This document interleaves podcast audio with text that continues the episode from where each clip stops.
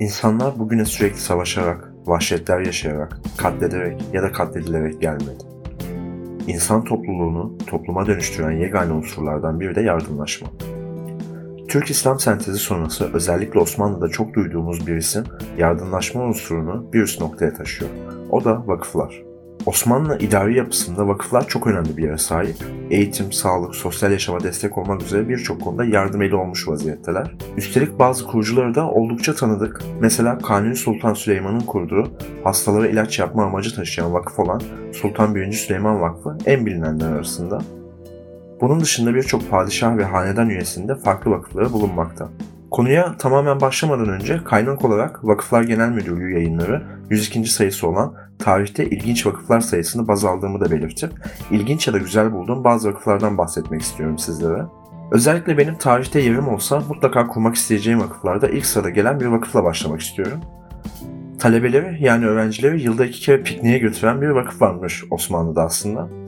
1716 yılı civarında Melek Ahmet Paşa'nın kızı olan Fatma Hanım Sultan tarafından kurulan bu vakıf biri kirazlar olgunlaşınca diğeri üzümler olgunlaşınca olmak üzere yılda iki kez öğrencileri pikniğe götürüyormuş. Ee, yani ilkbahar ve sonbaharda götürüyor.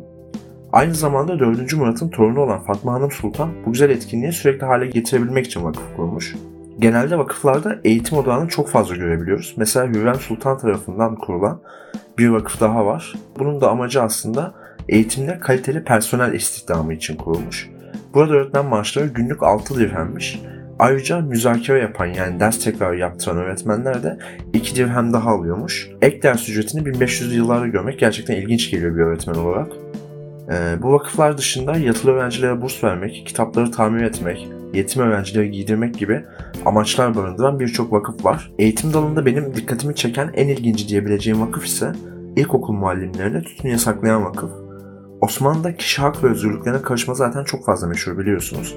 Ama bu yasağı vakıfla meşrulaştıran Diyarbakır valisi de gerçekten çok yaratıcı. Kendisine yaratıcılık ödülü vermek istiyorum. Hazır ilginç vakıflardan konu açılmışken sizce 1663 yılında İstanbul'da kurulan Hatice Sultan Vakfı neye amaçlıyordur? Tahminlerinizi duymasam da bilemeyeceğinize çok eminim. Çünkü Hatice Sultan Vakfı teravilerde Kaçkar balığından şerbet dağıtma amacıyla kurulmuş bir vakıf. Dikkatimi çeken birkaç vakıf ve amaçlarını da anlatıp yavaştan konuyu kapatmak istiyorum. 1280'de Sivas'ta kurulan Sahibi Ata Vakfı sıcak pide dağıtmayı, 1883'te İstanbul'da kurulan Rukine İbneti Nikola Vakfı ise Mevlevi, Mevlevi Hane'ye zeytinlik bağışlamayı, 1221'de Selçuklu döneminde kurulan Kılıç Arslan Vakfı ise doktorların güzel huylu olmasını amaçlıyordu.